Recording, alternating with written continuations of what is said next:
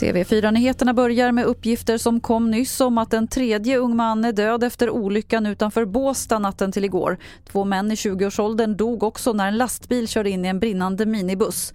Lastbilschauffören är misstänkt för vållande till annans död i tre fall. Så till Ukraina där flera civila ska ha lyckats lämna stålverket i Mariupol där de sökt skydd undan kriget. Enligt bilder från Reuters eskorterades de i FN-märkta bussar i en rysk militärkonvoj.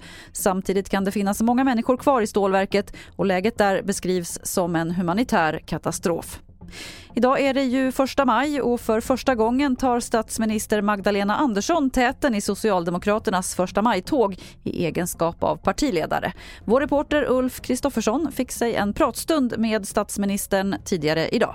Det är tredje gången jag går här och det är lika härligt varje gång. Men det är första gången som partiledare? Absolut, och nu är det ju första gången på flera år. Det har ju varit tråkiga första majfiranden digitalt de senaste två åren så nu är det fantastiskt att kunna träffas alla partivänner igen och det har varit en suverän stämning här inne.